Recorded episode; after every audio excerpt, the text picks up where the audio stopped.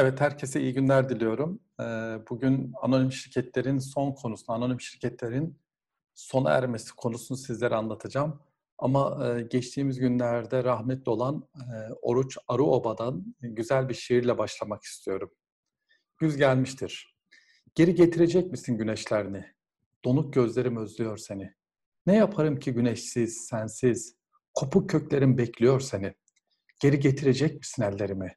Güdük bileklerim özlüyor seni. Ne yaparım ki elsiz, sensiz? Çürük isteklerim bekliyor seni. Geri getirecek misin ışıklarını?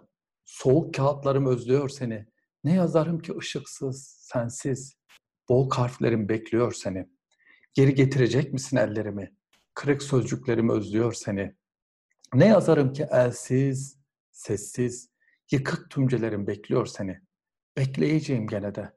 Hiçbir tekne getirmese de seni getirene dek hiçbir tekne gene de. Kendisine rahmet diliyoruz. Şimdi e, bu konuyla ilgili aslında başlıca kaynakları sizlere zikretmek istiyorum. Bunlardan bir tanesi Emrullah Kervankıran Hoca'nın Anonim Şirketlerin Tasfiyesi Ankara 2015 tarihinde. Yine sevgili meslektaşım Şengül Alkılıç'ın Anonim Şirketlerde Tasfiyeden Dönme Ankara 2017. Yine Murat Kaderoğlu'nun Anonim Şirketlerin İnfisa isimli doktora tezi 2017. Yine ben kendime ait bir yüksek lisans tezim 1993 tarihinde eski Türk Ticaret Kanunu döneminde anonim şirketlerde infisah konusunu yazmıştım. İsmail Cem Soykan'ın Anonim Ortaklıklarda Organ Yokluğu isimli yüksek lisans tezi. Ayşe Şahin'in Anonim Ortaklığın Haklı Sebeple Fesi Ankara 2013. Yine Özlem İlbasmış Hızlısoy'un Anonim Şirketin Haklı Sebeple Fesi Hani başlıca kaynakları bunları olarak zikredebilirim. Şimdi arkadaşlar tabii Türk Ticaret Kanunu'ndaki anonim şirketlerin sona ermesine ilişkin düzenlemelere ge- gelmeden önce aslında hükümlerin neler olduğunu bir defa 529'dan itibaren başlayan hükümlerin neyi ifade ettiğini bir defa açıklamam gerekiyor. Şöyle ki aslında biz sona erme kavramıyla hem infisahı hem de fesihi ifade ediyoruz. Yani bu ne demek? İnfisah kendiliğinden dağılma anlamına gelmektedir.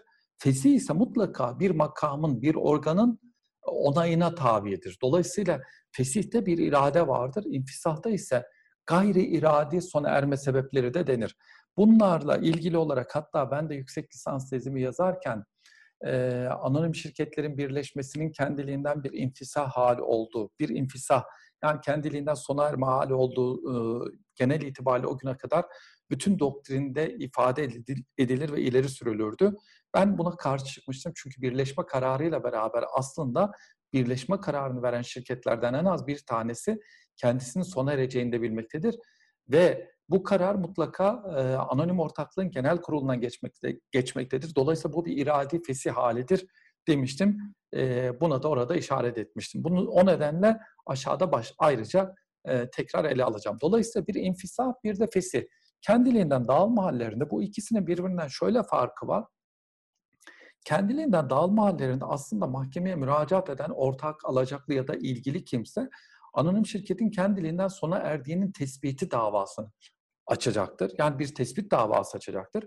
Buna karşın fesihte ise ya e, genel kurul bir feshe karar verecektir ya da e, mahkeme bir feshe karar verecektir. Mesela 531'de olduğu gibi mutlaka bir karara ihtiyaç vardır. Burada karşımıza çıkan dava esas itibariyle bir eda davası olarak e, belirecektir. Şimdi sona ermeye şöyle bir bakalım. 529. maddede anonim şirket sürenin sona ermesine rağmen işlere fiilen devam etmek suretiyle belirsiz süreli hale gelmemişse, esas sözleşmede öngörülen sürenin sona ermesiyle. Şimdi bu aslında benim yüksek lisans tez zamanımda çok e, iyi bir şekilde, çok şiddetli bir şekilde tartışıldı. Buradaki öncelikle iştihatları hakkında sizlere biraz özet vermek istiyorum. Tabii Yargıtay e, bir kararında e, süre belirlenmişti. 10 yıllık bir sürenin belirlenmesiyle beraber e, şirket işlerine devam ediyor. Sanki süre belirlenmemiş gibi. Ondan sonra işlerine devam etmesine rağmen e, Yargıtay'a bu e, infisa ettiğinin tespiti davası açılıyor bir ortak tarafından. Yargıtay bu şirketin sürenin sona ermesiyle beraber kendiliğinden sona erdiği tespitini ve kararını veriyor. Bu banka ticaret hukuku e, enstitüsünün düzenlemiş olduğu Yargıtay Kararları ve Ticaret Hukuku Sempozyumuna ilk zannediyorum Şeref Ünal tarafından getirildi ve bu karar eleştirildi. Arkasından Hikmet Sami Türk Hoca'nın da bu hükme ilişkin yani anonim şirketin esas sözleşmesinde yazan sürenin sona ermesi halinde kendiliğinden sona ermeye ilişkin Yargıtay kararına ilişkin gene bir eleştirel tebliğ sonunda. İşte ondan sonra biraz biraz e, Yargıtay kararları değişti. En nihayetinde 2012 yılında esas itibariyle 529. maddedeki bu hüküm düzenlenirken e, eski 434 bu hüküm düzenlenirken bu maddede ne yapıldı? Ele alındı. Sürenin sona ermesine rağmen e, işlere fiilen devam etmek suretiyle belirsiz süreli hale gelmemişse esas sözleşmede öngörülen sürenin sona ermesiyle. Mesela 20 yıllığına kurulabilir, 30 yıllığına kurulabilir. 30 yıl geldi, ondan sonra herkes dağıldı. O zaman e, şirket kendiliğinden dağılmış hale gelecektir. Ama şirket 10 yıllığına kurulmuş. Şirketin 10 yılını tamamlaması e, tamamlamasına rağmen şirket sanki hiçbir şey yokmuş gibi devam ediyorsa bu durumda belirsiz süreli e, bir şirket karşımıza çıkar. Bu durumda bu bir sona erme hali e, olmayacaklar. Bunun altını da özellikle çizmemiz gerekir. B fıkrasında işletme konusunun gerçekleşmesiyle veya gerçekleşmesinin imkansız hale gelmesiyle. Az sonra tekrar e, bahsedeceğim. Tabii eski Türk Ticaret Kanunu'ndaki hemen bakıyorum şirket maksadının husulü veya husulünün imkansızlığı diyor. Şimdi eski doktrinde özellikle Aslan Hoca'nın e, yazılarına da baktığımız zaman Aslan'ın da belirttiği üzere maksatla e, iştigal konusu birbirinden farklıdır. Şirketlerin maksadı kar elde etmektir. Elde etmektir. Dolayısıyla e, bir maksadın sona ermesi diye bir şey kolay kolay mümkün olmaz. Ama işletme konusunun gerçekleşmesiyle veya gerçekleşmesinin imkansız hale gelmesiyle şirketin sona ereceği meselesi başka meselelerle de ilgilidir. Daha önce de söylemiştim. Ultra vires doktriniyle de bakın 529. madde ilgilidir. Galatasaray Üniversitesi Hukuk Fakültesi'nde e, düzenlenen bir sempozyumda ifade ettiğim gibi esas itibariyle ultra vires köklü bir doktrindir. Bir azı dışı gibidir. Bir kökü 100, eski 137. maddedeydi ama diğer kökleri de 434. E, maddede de karşımıza çıkıyordu. İşte bakın 529. maddenin B bendi işletme konusunun gerçekleşmesiyle veya gerçekleşmesinin imkansız hale gelmesiyle şirketin kendiliğinden sona ereceğini hükme bağlıyor. Oysa oysa şirket devam ederse yani e, başka başka işleri de faaliyetleri de devam ederse e, ticari hayatta varlığını devam ettirirse o zaman nasıl e, bundan dolayı sona erebilir ki? Eskiden mantıklıydı. Kendi içinde te, Türk, eski Türk Ticaret Kanunu 137 ile beraber düşünüldüğü zaman eski Türk Ticaret Kanunu 434. maddesi yani 529. madde birbiriyle insicamlıydı, uyum içindeydi. Neden? Çünkü orada zaten işletme konusu dışında başka bir iş yapamadığı için otomatikmen konusuz kalmış oluyordu. Oysa yeni Türk Ticaret Kanunu 137. madde ne yapmıştır? Açık bir şekilde işletme konusu konusunu ultra vires dışında bırakmıştır. Yani artık bunun ehliyetle ilgili bir tarafı yoktur. Şirket başka işleri de yapabilecektir. Dolayısıyla burada bir problem bulunmamaktadır. Dolayısıyla işletme konusunun gerçekleşmesi. Peki bu kolay kolay uygulamada mümkün müdür? Onun da üzerinde duralım. Aslında kolay kolay mümkün değildir. Çünkü işletmelerin esas sözleşmelerine baktığımız zaman çok sayıda işletme konusunun olduğunu görüyoruz. Dolayısıyla işletme konulardan bir tanesi imkansız hale gelse bile şirket diğer konulardan bir tanesine pekala kolaylıkla devam edecek ve haya, ticari hayatına devam edebilecektir. Ticari hayatını sürdürebilecektir. Peki bu nerelerde mümkün? Bu banka gibi, sigortacılık gibi ya da özel güvenlik gibi ya da radyo televizyon işletmeciliği gibi alanlarda kanunen işletme konularının sınırlandırıldığı, tahdit edildiği alanlarda faaliyet gösteren şirketlerde ne yapabilecektir? Karşımıza çıkabilecektir.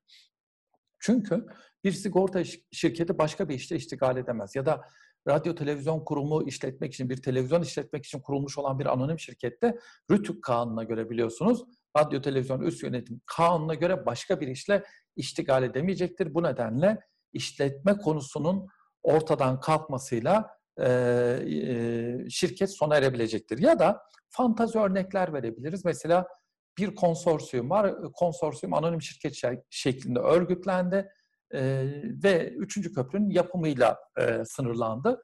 E, üçüncü köprünün yapımı bittiği zaman bakın işletme konusu gerçekleşti, köprü yapıldı ya da dediler ki hayır biz üçüncü köprü yapmak, üçüncü köprüyü yapmaktan vazgeçtik, vazgeçiyoruz dedi. Bu durumda gerçekleşmesinin imkansız hale gelmesiyle ya da bir maden şirketinde maden arama ruhsatlarının iptal edilmesiyle karşımıza gelebilecektir. Esas sözleşmede öngörülmüş herhangi bir sona erme sebebinin gerçekleşmesiyle ya burada herhangi bir fiili birleşme olabilir, başka bir hedef olabilir e, e, ya da mesela çok ciddi anlamda bir zarar olabilir. Bu şekilde eğer bir sona erme sebebi gerçekleşirse bu sona erme sebebinin gerçekleşmesiyle şirket kendiliğinden ne yapacaktır? Sona erecektir. Yine 421. madde, e, bu 421. maddenin ağırlaştırıcı nisaplar olduğunu hatırlarsınız arkadaşlar. 421. maddenin 3. ve 4. fıkralarına uygun olarak alınan genel kurul kararlarıyla da ne yapılabilecektir? Şirket sona erecektir. Şirketin iflasına karar verilmesiyle ticaret mahkemesi şirketin iflasına karar verirse şirket tabii ki sona erecektir. Kanunlarda öngörülen diğer haller. Şimdi kanunlarda öngörülen diğer hallere ne örnek verebiliriz? Aslında e, az önce söylediğimiz mesela sigorta şirketlerini, banka şirketlerini örnek olarak verebiliriz. Mesela sigortacılık kanununda, 2007 tarihli sigortacılık kanununda e, sigorta şirketlerinin e, Türk Ticaret Kanunu dışında da bazı e, hallerin mesela mali durumu bozulması nedeniyle sona erdirilebilmesine ilişkin, ereceğine ilişkin bir takım düzenlemeler bulunmaktadır. Bunlar bunlara örnek olarak verilebilir. Bir de özel haller var. İki tane hali düzenliyor yeni kanun. Bunlardan bir tanesi 530. maddede uzun süreden beri şirketin kanunun gerekli organlarından biri mevcut değilse veya genel kurul toplanamıyorsa, pay sahipleri, şirket alacakları veya Gümrük ve Ticaret Bakanlığı istemi üzerine şirket merkezinin bulunduğu yerdeki Asliye Ticaret Mahkemesi yönetim kurulunda dinleyerek şirketin durumunu kanuna uygun hale getirmesi için bir süre belirler. Bu süre içinde durum düzeltilmezse mahkeme şirketin feshine karar verir. Dava açıldığında mahkeme taraflardan birinin üstlenme üzerine gerekli önlemler alabilir diyor. Yani ya yönetim kurulu hiç oluşmuyor bu nerede olabilir? Tabii şirketin kilitlenmesi. Ancak burada tekrar altını çizelim ki şirketin her kilitlendiği halde burada bir e, organ yokluğundan bahsedilemez. Bazen gerçekten şirketleri kilitlerler.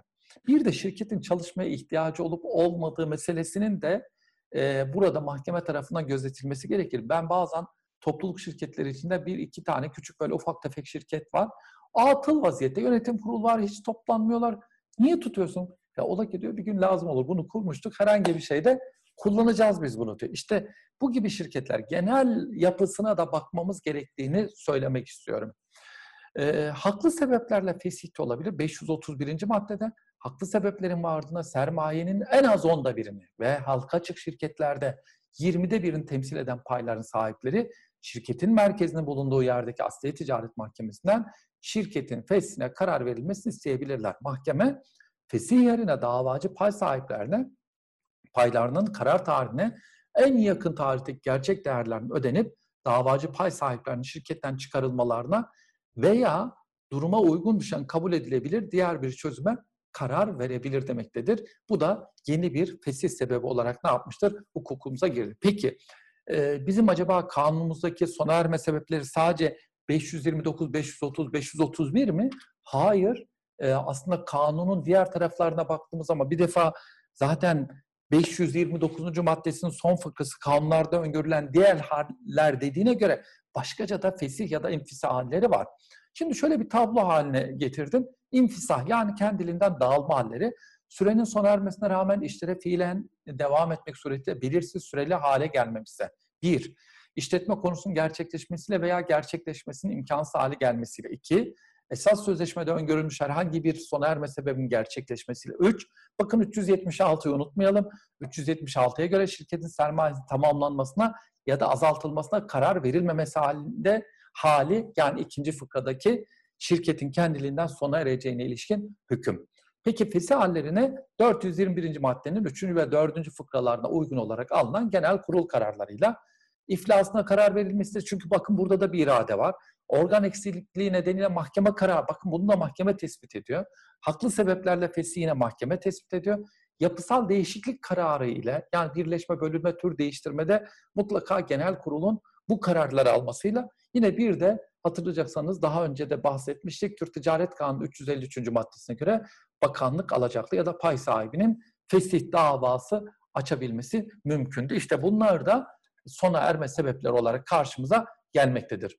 Şimdi 434'teki aslında bizim baktığımız zaman eski e, Türk Ticaret Kanunu 434. maddesinde tam 9 bent halinde sona erme sebepleri yazıyordu. Bu, bu listenin biraz e, kısaltıldığını görüyoruz. Yine eski Türk Ticaret Kanunu'nda benim test konum olduğu için rahatlıkla söyleyebiliriz. Pay sahibinin 5 kişiden aşağıya düşmesine ilişkin e, şirketin e, sona erme hali, fesih hali ya da infisa hali ortadan kaldırılmıştır. Neden? Çünkü artık zaten anonim ortaklıklar bir kişiyle bile kurulabilmektedir. Yine bir diğer şirketle birleşmesine ilişkin eski Türk Ticaret Kanunu'nda bu da bir e, sona erme sebebi olarak sayılıyordu ama e, yeni kanunda buna yer verilmemiştir zaten. Ama biz biliyoruz ki bir şirket bir diğer şirketle birleşiyorsa en azından bunlardan bir tanesi ne yapacaktır? Sona erecektir. Dolayısıyla bunların altını çizelim. Tabii burada e, az önce söylediğim gibi Yargıtay'ın yani 1956 tarihli Türk Ticaret Kanunu'ndaki e, nasıl söyleyelim tecrübelerden faydalanılmış işlerine süresi sona eren bir şirketin e, işlerine devam etmesi halinde artık süresiz hale geleceği kanun hükmüyle tespit edilmiştir. Yine şirket maksadı yerine de işletme konusu ne yapılmıştır? Getirilmiştir. Yine burada belki dikkatimizi çeken şeylerden bir tanesi aslında 421 3 ve 4 de sermayenin dörtte üçünü temsil eden pay sahiplerinin olumlu oylarıyla şirketin fesih kararı alınabilecektir. Şimdi bu önemli bir değişiklik. Yani bu ne demek? Aslında şirketi feshin önüne e, biraz daha engeller getirilmiştir. Devlet şirketlerin feshedilmesini istememektedir. Bu nedenle hani açık bir şekilde e, bunu belirtelim. E, 529. maddedeki kanunlar hani diğer kanun kanunlarda öngörülen diğer hallerde sona erer diyor. Bu elbette ki hem Türk Ticaret Kanunu kapsadığı gibi hem de aynı zamanda diğer kanunları da kapsamaktadır. Şimdi burada 531. maddenin biraz e, üzerinde duralım çünkü bu yeni bir konu. Haklı sebeplerle, şirketin haklı sebeplerle fesli. Eski Türk Ticaret Kanunu'nda bulunmuyordu ama eski Türk Ticaret Kanunu'nda da anonim ortaklığın haklı sebeplerle fesline ilişkin epey bir tartışma vardı. O dönemdeki doktrine bakarsanız bunlara mutlaka rastlarsınız. Şimdi haklı sebeplerin varlığında sermayenin en az onda birini halka açık şirketlerde 20'de birini temsil eden pay sahipleri şirketin merkezin bulunduğu yerdeki Asliye Ticaret Mahkemesi'nde şirketin fesih davasını açabilirler. Ama mahkeme tutup da birisi fesih davası açtı ve haklı diye de her zaman e, şirketin fesihine karar vermez. Gerekirse ne diyebilir? Aslında diyebilir ki en yakın tarihte gerçek değerlerini ödeyin, davacı pay sahiplerini şirketten çıkarın ya da duruma uygun düşen kabul edilebilir bir diğer çözüm. Bu tabii biraz daha zor örneklenen bir şey. Acaba hani el sıkışın, tokalaşın, öpüşün ya da birbirinizden özür dileyin bitsin diyebilecek mi soruları e, tebessüm ettirerek bizim aklımıza geliyor. Elbette ki belki hani kar dağıtım kararı vesaire burada çok tartışılır ama kar dağıtım kararı da genel kurulun yetkileri dahilindedir. Bu nedenle hani buradaki sonraki diğer çözüm oldukça kafa yorucu ve diğer tarafları tatmin edici bir çözüm de değil. Onun da altını çizelim. Tabii azınlık hakkı olarak e, öngörülüyor ama azınlık azlık haklarını özür diliyorum. Azlık haklarını daha önceden anlatırken söylemiştik. Burada en az yüzde on dediğine göre aslında azlık hakkıyla şirketin her yani ne bileyim e, daha küçük bir miktardaki pay sahibinin şirketi fesih e, etme imkanının e, engellendiği kanaatindeyiz. Bu nedenle 531'deki nisapların düşürülemeyeceğini düşünüyorum ben şahsen.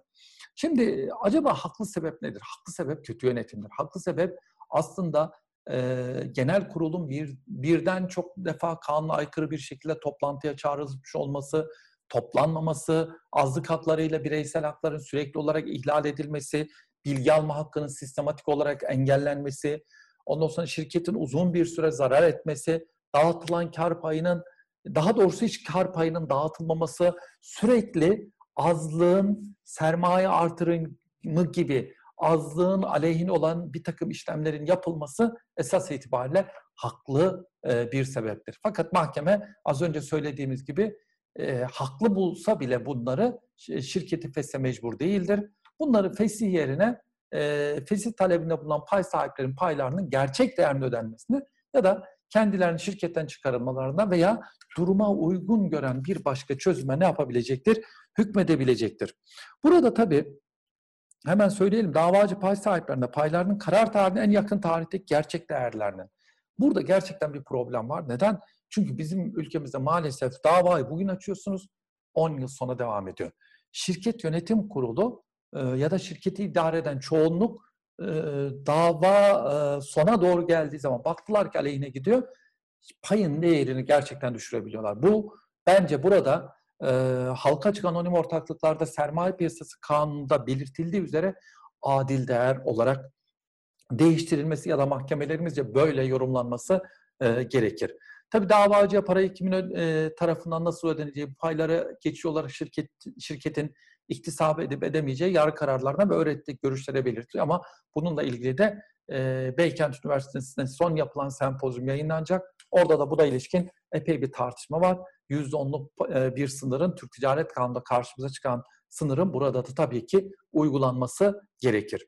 Tabii bunu hemen belirtelim ki aslında bu düzenlemeler yerinde düzenlemelerdir. Özellikle çoğunun azlığın zararına e, kararlar aldı. Sürekli azlığı mağdur ettiği şirketlerde gerçekten azlık için bir çıkış yolu olarak karşımıza gelmektedir. Burada aslında çoğunluk yönetime bazen hiç azlığı almaz. Bazen ona ilişkin hiçbir bilgi vermez. Ve böylece aslında e, azlığın ya da küçük pay sahiplerinin aslında bütün umudu şirketten az ya da çok ufak tefek gelir elde etmek olan e, bu e, azlığın umutlarının kırılması kanaatimce birer haklı sebep olarak karşımıza çıkacaktır. Eğer e, azlık bakımından yüzde onluk pay sahipleri bakımından artık bu durum katlanılmaz hale gelmişse 531'deki dava şartlarının gerçekleşmiş olduğu söylenebilir. Yani halk aramız arasındaki tabiriyle ekrana da yansıttım. Parasıyla rezil olmak tabirinin tam anlamı bu tür şirketlerde çıkar. Azlık paya sahip. Yüzde beş, yüzde on, yüzde yirmisiniz. Yüzde seksenlik adam istediği gibi karar alıyor. Eliniz kolunuz bağlı oturuyorsunuz. Hani beyhude uğraş maaşı kapılar sürmelidir diyor ya Erzurum'da Emrah. Tam da onun gibi. Ee, ve şirketi al, alabildiğine yönetiyorlar. Siz iptal davalar açıyorsunuz. Sonuçlanmıyor. Ee, yine bir türküde olduğu gibi şimdi uzaklardan bakan ben oldum şeklinde o türküdeki gibi, misaldeki gibi sadece uzaktan bakmakla yetiniyorsunuz. İşte buralarda ne yapılabilecektir? Esas itibariyle e, burada e, haklı nedenle fesih davaları açılabilecektir. Bu nedenle aslında bunu belirtmek istiyorum. Şimdi dava son çare midir? Şimdi doktrinde genel itibariyle davanın son çare niteliğine vurgu yapılıyor. Yoğun bir şekilde. Özellikle İsviçre federal ya da İsviçre hukukundan kaynaklı e, ve oradan ilham alan tezlerin ya da yazarların çoğunun bu dava son çare. Ya şimdi tabii burada aslında ya da ikincil niteliği e, özellikle vurgulanıyor. Tabii buradan e, az, aslında 531'deki fesih davası ya da anonim şirketten dava açan ortağın çıkması ne yazık ki doktrinde hakikaten e, son çare olarak görünüyor. Ama e, hemen belirtelim ki aslında kanunda bunun son çare olduğu asla belirtilmiyor. Yani şunun şöyle bir şeyi bir hukukçu olarak aslında bizim dememiz ne kadar doğru gerçekten onun tartışılması lazım. Ya adam zaten bir sürü arka arkaya eylem yapmış. Bana ne diyor mahkeme? E bu son çare sen daha önce genel kurul kararlarına karşı iptal davası açtın mı? Yani aslında e, bu cümle ya da bu şekildeki bir gerekçe aslında şunu söylüyor bize, bize. Sen yeteri kadar sürünmedin. Git biraz 3-5 yıl sürün. E, burnun sürtülsün. Ondan sonra gel ben senin e, şirketi fesih davanı sona erdireyim ya da sonuçlandırayım demektir. Bu gerçekten haksızlığın uzun süre devam etmesi anlamına gelmektedir. Şimdi somut olaya gelince elbette ki her önüne gelen de haklı nedenle fesih davası açmasın ama e, gerçekten bu noktada haklı nedenle fesih davası açıldığı zaman gerçekten hakim bunun haklı nedenin belki bir kere bile ortaya çıkmış olsa bile giderilip gidilemeyeceğini, gerçekten haksızlığın ağırlığına göre karar vermelidir. Bu nedenle şirketin fesih e, şayet ortağın şirketten çıkarılmasıyla temin edilemiyorsa son çare olarak düşünülmelidir. Neden? Neden bunu söylüyor? Şimdi ekranda da okuyorsunuz belki.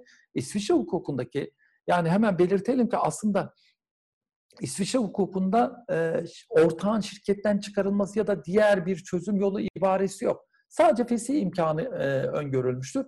Bu nedenle e, hemen belirtelim ki aslında madem ki biz İsviçre'den ayrıldık, e, şirkette ortaktan çıkarılabiliyorsa bırakalım, uzatmayalım bunlar arasındaki ihtilafı, çıkaralım, geçelim demek belki daha doğru olacaktır. Şimdi taraflar arasındaki özellikle doktrindeki tartışmalardan bir tanesi de şuydu. Biraz geçmiş bir tartışma ama orada kendi görüşümü de e, izah etmek istiyorum.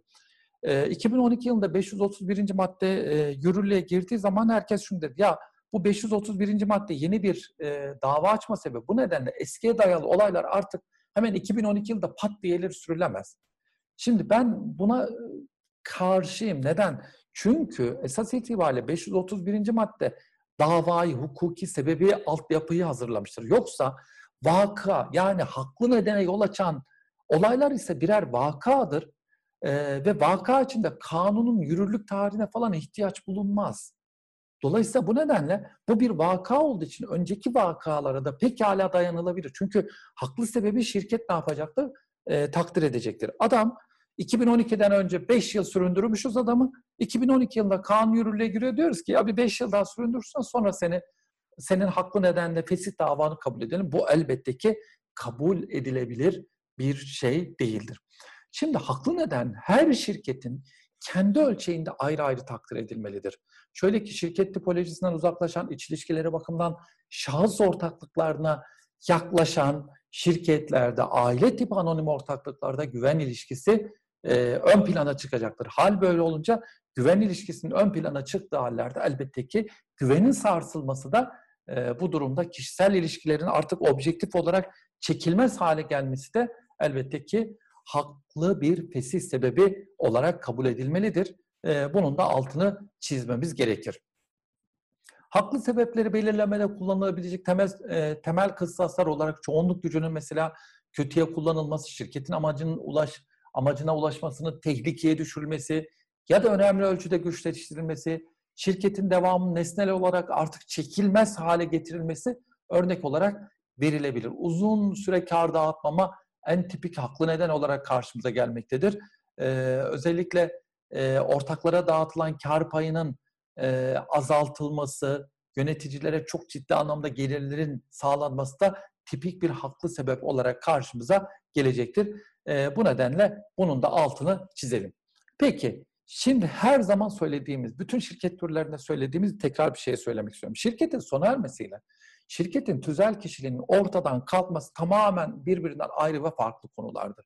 Şirketin sona ermesiyle şirketin tüzel kişiliği bir anda ortadan kalkmaz. Şirket yaşamaya devam eder ama onda bir takım değişiklikler olur. Bir, hatırlayacak olursanız daha önce de söylemiştim, ünvanında değişiklik olur. Mesela Yılmazlar İnşaat Anonim Şirketi ise başına tasfiye halinde Yılmazlar Anonim Şirketi haline gelir. İkincisi, bu şirketlerin ehliyetleri ne yapacaktır? Daralacaktır. Yine bu şirketlere tasfiye memurları atanacaktır. Bu nedenle organların yetkilerinde de bir takım daralmalar olacaktır. İşte bu gibi hallerde biz ne diyoruz? tasviye halinde de ehliyet ne yapacaktır? Devam e, edecektir. Organların yetkileri tasfiye amacıyla sınırlanacaktır. Bu nedenle e, aslında şirketin ehliyeti sınırlanmaz. Aslında değişikliğe uğrayan organların yetkileridir. Bunun da altını ne yapalım çizelim. Tasfiye haline giren şirketin tüzel kişiliği de devam eder. Hatta şunu söyleyebilirim ki eldeki malların satılması için mağazaların sürekli olarak ticari e, satış satışlarını devam ettirmesi vesaire bunlar tasfiyenin birer parçası olarak ne yapacaktır? Karşımıza çıkacaktır. Tasfiye memurlarının atılması konusunda iki yeni düzenleme getiriyor kanun. Şirketin fesline mahkemece karar verildiği durumlarda e, tasfiye memurlarını elbette ki mahkeme atıyor. E, ama diğer hallerde yönetim kurulu üyeleri aksine herhangi bir şey yoksa aynı zamanda e, yönetim kurulu üyeleri de tasfiye memuru olarak ne yapabiliyorlardı? Devam edebiliyorlar. Diğer yenilgi ise şirketin tasfiyesi sağlıklı bir şekilde yürütülmesi ve tasfiye sürecinde sürekli bir muhatın bulunabilmesi için temsile yetki tasfiye memurlardan en az birinin Türk vatandaşı olması ve yerleşim yerinde e, Türkiye'de bulunması olması şartı ne yapılmıştır? E, getirilmiştir. E, buna da hemen e, dikkatinizi çekelim. Şimdi yetkilerin sınırlandırılması ve genişlemesi dediğimiz hususlara öncelikle şunları söylemek istiyorum. Tasfiye memurlarına kanunla tanınmış yetkiler devredilemez ancak belirli uygulama işlerinin yapılabilmesi için işlerinden birine veya üçüncü bir kimseye, kişiye temsil yetkisi verilebilir. Bu bakın birinci şeyimiz, kuralımız. İkincisi tasfiye memurlarının üçüncü kişilerle tasfiye amacı dışında yaptığı işlemler şirketi bağlar. Bu hüküm yönetim kurulunun temsil yetkisi konusundaki 371 ekiğde öngörülen düzenlemenin tasfiyeye uyarlanmış halidir. 371'i hatırlayacak olursanız daha önce ne yapmıştık? İncelemiştik. Tasfiye amacı dışında yapılan işlemlerin şirketi bağlaması iyi niyetli üçüncü kişilerin iyi niyetlerin korunması amacıyla getirilmiştir. Yine tasfiye memurlarının birden fazla olması halinde şirketin bağlanabilmesi için imza yetkili iki tasfiye memurunun şirket ünvanı altında imza atması ne olacaktır? Gerekli olacaktır. Bunu da e, belirtebiliriz. Tasfiye memurlarından birden fazlası olması halinde şirketi bağlanabilir. Bunların birlikte hareket etmeleri ve kural olarak birlikte imza atmalarıdır. Ancak bu emredici bir hüküm değildir. İki kişi değil de tek münferiden yetki de ne yapılabilecektir? E, yapılabilecektir. Esas sözleşmeyle ya da genel kurul kararıyla münferit temsilde e, ya da münferit imzada kabul e, edilebilir. Tasfiye ile ilgili konularda şirketi mahkemelerde de diğer ilişkilerde temsil yetkisi tasfiye memurlarına aittir. Hatırlayacak olursanız daha önce de söylemiştik tasfiye işleriyle ilgili olarak, olarak genel kurul kararlarına karşı tasfiye memurlarda ne yapabiliyorlardı? İptal davası açabiliyordu arkadaşlar. Tasfiye memurlarının görevlerini yerine getirdiği sırada işlediği haksız fiillerden tasfiye memurlarının yanı sıra şirkette sorumlu olacaktır. Bu yine üçüncü kişilerin korunması amacıyla getirilmiş. Şimdi burada bir hususa 547. maddede düzenlenen bir konuya daha değinmek istiyorum. Bu da esas itibariyle yeni bir düzenleme. Ancak eski Türk Ticaret Kanunu zamanında da sık sık bundan hatta ben de tezimde ihya adını verdiğimiz bir kavramla bunu ne yapıyorduk? Anlatıyorduk. İhya ne demektir? Aslında ihya diriltmek anlamına gelir. Bu konu esas itibariyle eski kanun zamanında da Yargıtay iştahatlarıyla ne yapılıyordu? Düzenleniyordu. Tasfiye, şimdi bir şirket düşünün, sona erdi. Sonra tasfiye aşamalarını yaptık, kapattık. Şirketi ticaret sicilinden terkin ettirdik. Şirketi ticaret sicilinden tescil ettirdik ama baktık ki bir tane gayrimenkulleri orada duruyor. Ya da mal varlığını ortaklara dağıttık ama sonra bir baktık ki aa bir tane mühim bir borcu var. Şirket bu borcunu ödememiş. İşte bu zaman yeniden bu şirketin varlığına ihtiyaç var. İşte bakın tam da bu bunu düzenlemektedir. Tasfiyenin kapanmasından sonra ek tasfiye işlemlerinin yapılması zorunlu olduğu anlaşılırsa son tasfiye memurları, yönetim kurulu üyeleri, pay sahipleri veya alacaklar. Şirket merkezinin bulunduğu yerdeki Asliye Ticaret Mahkemesi'nden bu ek işlemler sonuçlandırılıncaya kadar şirketin yeniden tescilini isteyebilirler.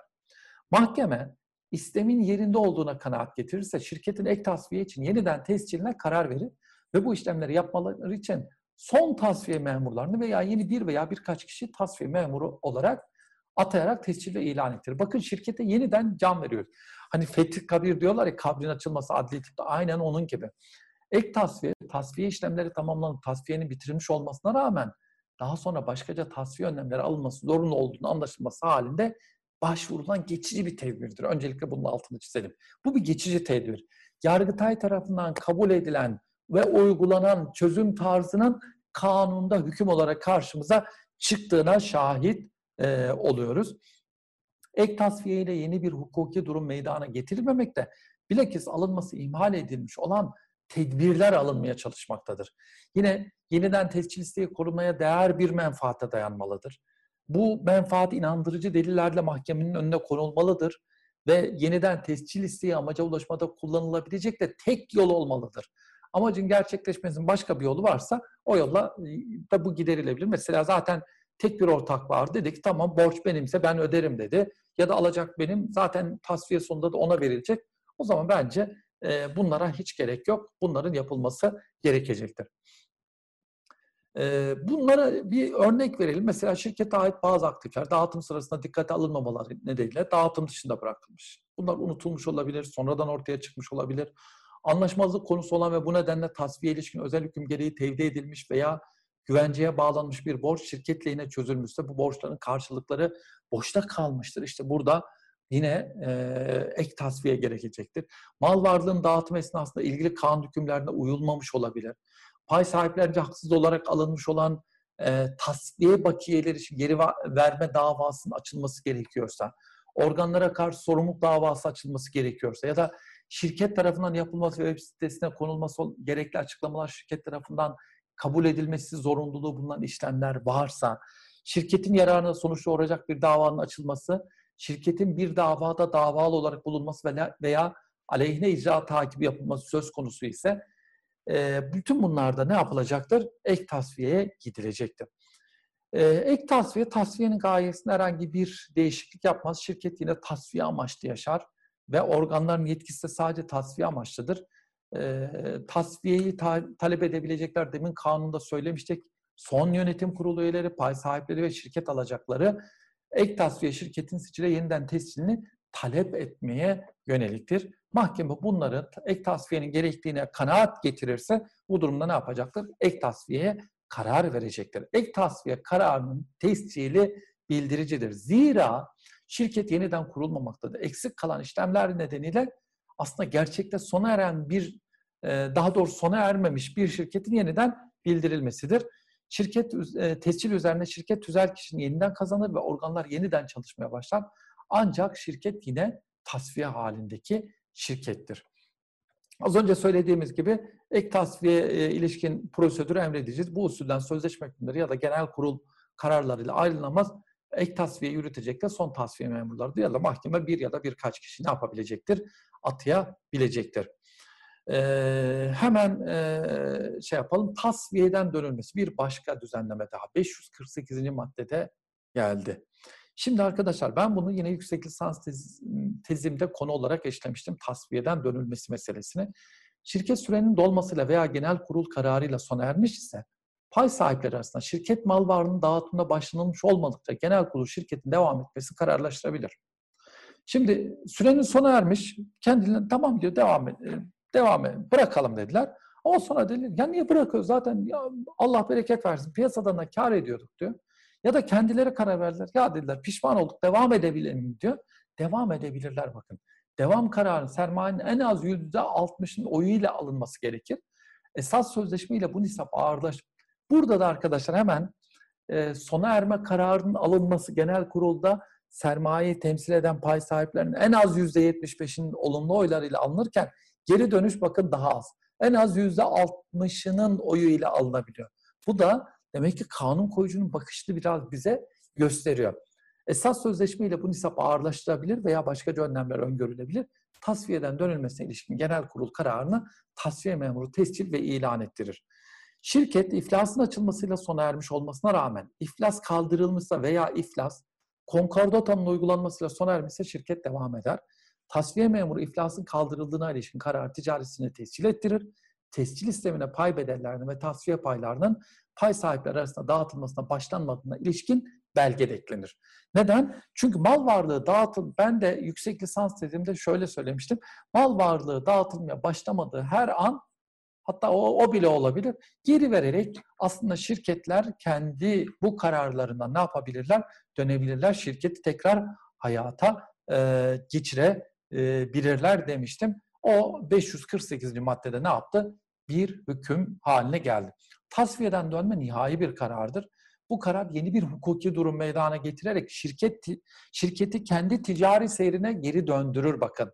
Halbuki ek tasfiye dediğimiz geçiciydi bakın bildirici bir etkiye sahipti. Şirket gene tasfiye halindeki şirket oluyordu ama tasfiyeden dönme artık şirketi ne yapmaktadır? Yeniden canlı kanlı diri bir şirket haline getirmektedir. Adeta komadan çıkmaktadır. E, benzetmesi yapabiliriz. Pay bedellerinin ve tasfiye paylarının pay sahipleri arasında dağıtıma başlanıncaya kadar tasfiyeden dönme kararı alabilir. Bu andan sonra artık dönme kararı alınamaz. Ama benim kanaatime göre ya dönmek istiyorlarsa ve şirkette hani özellikle küçük ortaklı şirketlerde ya tasfiye başlamadı deyip ne yapabileceklerdir? Dönebileceklerdir. Pay sahipleri arasındaki cüzdi ve anlamsız hani bir takım tasfiye bedelleri ya da tasfiye payı iadesi bile tasfiyeden dönmeyi imkansızlaştırabilir. Ama benim kanaatim bence e, bunu dahi yorumlamak gerekir. Nasıl ki sermaye artırımında sermaye bedeline nazaran çok ufak tefek e, ödenmemiş paylar varsa yine sermaye artırılabiliyorsa burada da ufak tefek dağıtmayı 3 kuruş 5 kuruş dağıtmışız tekrar ne yapılabilir? Bunlar elbette ki tasfiyeden dönülebilir. İfa edilmiş edimlerin geriye verilmesi geriye dönüşü mümkün hale getirmez deniyor doktrinde ama benim kanaatim bu noktada da aslında aksi yönde çünkü bunun zaten tespiti de oldukça e, zordur. E, dolayısıyla tasfiye kararını ne yapmalıdır? Genel kurul, toplantıya yönetim kurulu denetçiler veya tasfiye memurları tarafından e, davet edilir. Bir genel kurulda bu karar alınacaktır. En az yüzde 60'ının olumlu oyuyla burada ne yapılmalıdır? Kararlar alınmalıdır. Tasfiyeden dönme kararı bir esas sözleşme değişiklik kararı olmadığı için esas sözleşmede herhangi bir değişiklik yapmaya ihtiyaç olmaz. Neden? Çünkü zaten şirketin esas sözleşmesi var. Şirket iflasının açılmasıyla sona ermiş olsa bile iflas kaldırılıysa ya da konkordota ilan edildi ise bu durumda yine şirket varlığını ne yapabilecektir? Devam edebilecektir. İflasın kaldırıldığına ilişkin karar ticaret sicilinde tescil ettirilir ve bu tescil kurucudur. Yapılacak bildirimde pay sahipleri arasında pay bedelleri ve tasfiye paylarının henüz dağıtılmadığını, başlanmadığını gösteren delillerde ne yapılacaktır? Eklenecektir. Evet, e, anonim şirketleri böylece arkadaşlar bitirmiş olduk. Bir sonraki dersimde de limited şirketlere ilişkin e, düzenlemeleri incelemeye başlayacağız. Ama bir sonraki dersim limited şirket mi, anonim şirket mi? Yani sıklıkla uygulamada sorulan acaba limited mi kursak, anonim mi kursak ya da acaba ne yapsak hani e, anonimden vazgeçmesek mi gibi sorularla ilgilidir. O soruları cevaplamaya çalışacağım. Herkese iyi günler diliyorum.